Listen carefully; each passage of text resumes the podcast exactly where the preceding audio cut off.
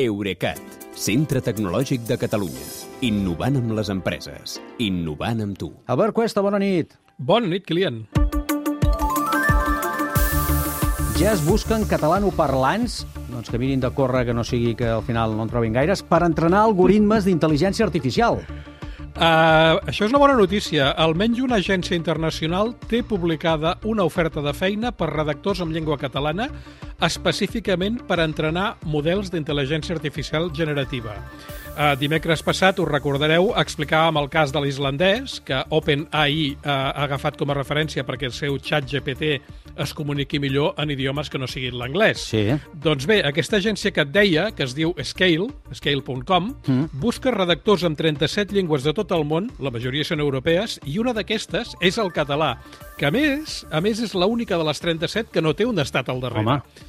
I això em sembla destacable, perquè ens confirma que, malgrat tot, el, el món ens mira ni que sigui una mica. Uh, prou com perquè voler que les plataformes tecnològiques es entenguin bé.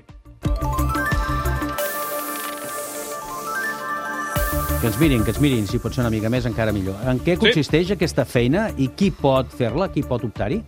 Uh, aviam, en què consisteix? La descripció uh, és uh, comú per la majoria dels idiomes. Tres exemples de tasques que et posen són un és classificar una sèrie de respostes que ha generat un model d'intel·ligència artificial segons quin nivell d'encert tenen. L'altre és redactar un text breu sobre un tema que la plataforma et proposa i el tercer és comprovar si els fragments de text que produeix l'algoritme contenen algun error. Uh, respecte a qui pot optar-hi, el perfil dels candidats uh, és o bé de traductor professional, uh, o bé de graduat o fins i tot estudiant d'humanitats o d'escriptura creativa, o, uh, finalment, experiència professional treballant amb textos. I això pot ser en redactor publicitari, periodista, redactor tècnic o corrector de textos. I escolta'm, quina és la intel·ligència artificial que s'ha d'entrenar en català? Doncs no ho sabem, perquè, com sol passar amb aquesta mena d'agències de serveis lingüístics, no ho diuen. Això sí, eh, aquesta Scale presumeix de treballar per empreses com Meta, Lyft, General Motors, Samsung, Airbnb, Nvidia i OpenAI, de manera que molt bé podria ser que acabis entrenant en català el xat GPT. Va, anem a coses pragmàtiques. Es pot treballar des de casa, paguen bé, Uh, sí, perquè per aquest tipus de feina solen buscar autònoms, i jo t'ho dic, ho sé per experiència. Uh, per tots els idiomes busquen candidats que visquin als Estats Units, però en el del català també s'admeten, i de fet fins i tot prefereixen residents a l'estat espanyol. Sí, com sigui, demanen una dedicació mínima de 20 hores a la setmana, o sigui, mitja jornada. Uh, respecte als honoraris, són molt variables i depenen tant de l'idioma com el del lloc, del lloc de residència. Si vius als Estats Units, pots esperar uns 25 dòlars per hora, però els locals van des dels do, do, 2 dòlars per hora del bengalí, els 3 de l'egipci i els 4 del turc, fins als 25 dòlars per hora que paguen per l'holandès, el mandarí i l'italià. I el català?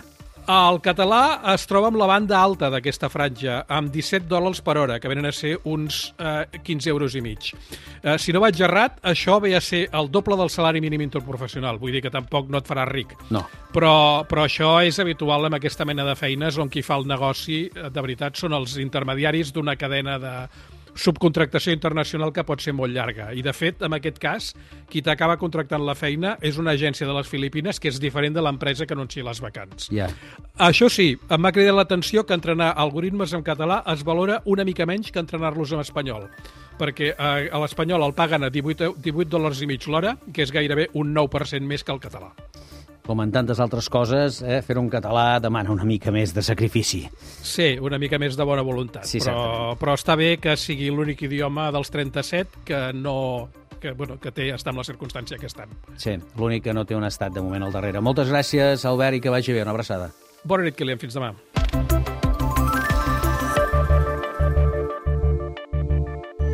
Eurecat, centre tecnològic de Catalunya. Innovant amb les empreses. Innovant amb tu.